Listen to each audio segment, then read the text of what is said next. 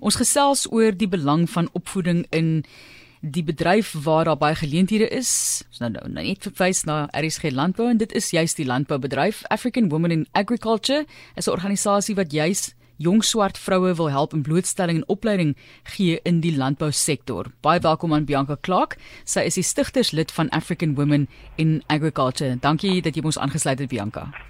Baie baie dankie vir die geleentheid en ja, dis 'n voorreg. Ek dink as 'n mens 'n vrou bemagtig, dan het jy eintlik 'n gemeenskap bemagtig. Dis mos 'n ou ou stelling eintlik. En dit is juist wat ons nodig het in verskillende sektore. Vandag praat ons oor landbou. Hoekom spesifiek in die landbou? Hoeveel geleenthede is daar vir vroue? Dit jy daar is regtig 'n magdom van geleenthede en uh, ek dink ehm um, baie uh, vrouens is nie bewus daarvan nie. En ehm um, uh, ons het ons het ons het 'n gesamentlike visie gesien um, en en hierdie geleentheid aangegryp want ons ons glo dat 'n vrou het die vermoë om 'n verskil te maak in die gemeenskap en um, dit dit is dis definitief 'n uh, um, net 'n tekort aan kennis wat wat veroorsaak dat baie vrouens hulle nie self in hierdie sektor in beweeg het nie. Ons is nodig om hierdie vrouens bewus te maak van die verskriklike 'n magdom van ehm um, geleenthede wat daar is ja. in hierdie sektor. Wanneer mens praat van Afrika, praat mens van 'n baie groot gebied. So julle is die African Women in Agriculture organisasie. Is dit Afrika wyd of fokus julle spesifiek hier in Suid-Afrika? Dis dis die die die die doel is Afrika wyd, maar ons moet iewers begin. So ons sien Suid-Afrika as die eerste ehm um, jy weet die eerste trappie um uh, uh, into Africa as ek dit so kan stel. Maar nee, ons moet iewers begin en ons het begin um hier in Johannesburg waar ons almal al die vrouens wat in hierdie organisasie betrokke is, is heidaglik van Johannesburg, so dis waar ons begin het.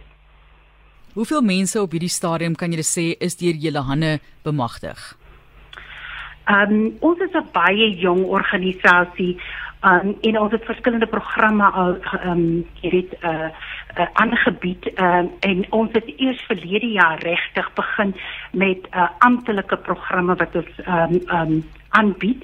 Uh, op hierdie stadium in totaal het ons omtrent so 68 vrouens ehm um, jy weet direk ehm um, ja, dis direk betrokke in ons programme en dan natuurlik nou onlangs met die jeug ehm um, jeugdag viering het ons addisionele 20 bygevoeg. So ons praat nou van 88 vrouens. Ons gas is Bianca Clark hier in 360 stigterslid van African Women in Agriculture. Nou, ehm um, as 'n mens nou so 'n werkswinkel byvoorbeeld aanbied, verwys baie mense daarna as 'n sogenaamde talk shop en so goed jy het nou die wonderlike goed gesê, maar hoe moniteer julle die prosesse wat dan daarna uh, gebeur Bianca?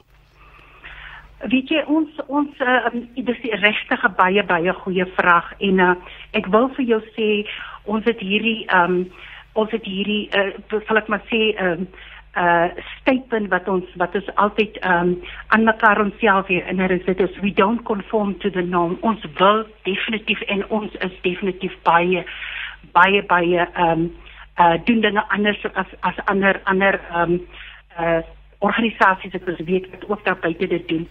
Ons het 'n program wat ons um twee ons huidigelike twee um as spesifieke um as ek dit kan noem KPI's waarna ons kyk is dat hierdie vrouens wat inkom moet 'n besigheidsplan kan hê, 'n 'n bankable business plan en dan moet hulle ook betrokke wees in 'n gemeenskapsprojek.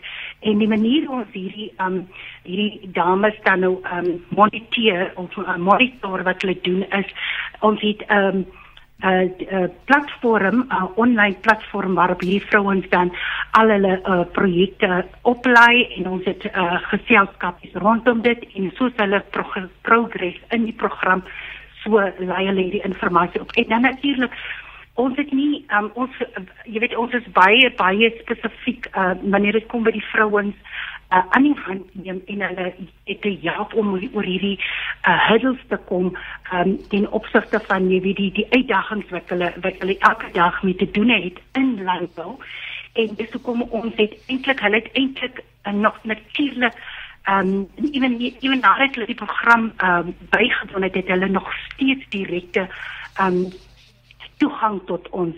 Um ons het hierdie konsep van uh, land beskikbaar te stel waar vrouens dan op die land kan um uh, uh, uh, hulle boerdery bedryf en ons assisteer hulle ook om um jy weet toegang te hê tot markte. So ja. ons ons ons paadjie met hulle is nie 'n kort pad nie, dis 'n lang pad.